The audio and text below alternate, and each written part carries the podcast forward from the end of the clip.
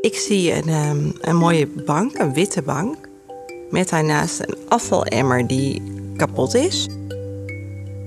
Maar het is wel een bank die ook gehavend is. De bank doet mij vooral denken aan dat ik het gevoel heb dat er op zo'n bank mensen hebben gezeten met een verhaal. En ook wel een beetje aan het verhaal van mijn eigen leven. Ik heb heel veel uh, meegemaakt. Dus ook heel veel, uh, nou ja, kun je wel brokstukken noemen. Maar die me misschien juist ook weer heel veel, heel sterker hebben gemaakt. Ik heb natuurlijk zelf een beperking. Dat heb ik sinds 2017. Daarvoor had ik dat niet. Dus ja, dan, dan liep je wel wat moeilijker, maar je, je kon gewoon lopen. En toen ben ik gevallen en toen moest ik ineens accepteren dat ik dan toch eigenlijk beter met een rollator kon lopen om valgevaar te voorkomen. En dat was wel een hele lastige stap, omdat je dan zichtbaar nog uh, ja, beperkter bent en mensen je eigenlijk er meteen aan herkennen.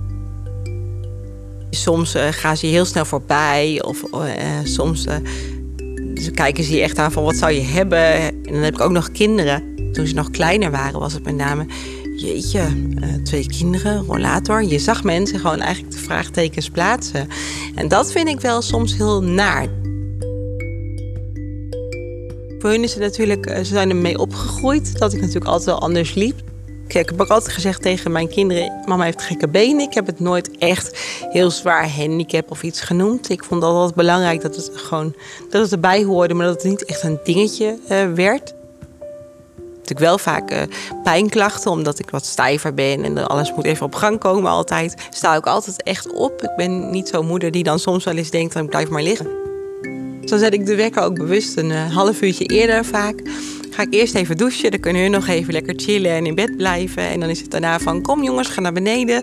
Ontdekken, ontdek altijd de tafel, lekker ontbijten met elkaar ja, ik probeer de dag positief te beginnen. Gaat natuurlijk ook niet altijd goed. Hè? Het zijn kinderen dus, en broer en zus. Dus af en toe moet je ook wel even eh, als politieagent optreden. Van jongens, we houden het gezellig.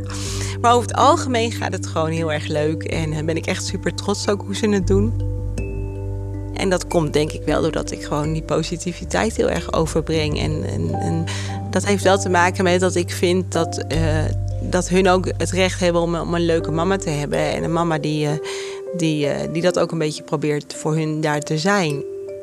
Ik zeg altijd, we zijn de drie musketiers. En uh, zo, zo zien mijn kinderen dat ook. We hebben ook een groepsappje met, met, met ons drietjes. En dan krijg ik heel vaak hartjes en dingetjes. En mam, doe voorzichtig, doen wij ook. En ja, van die hele leuke, simpele dingen.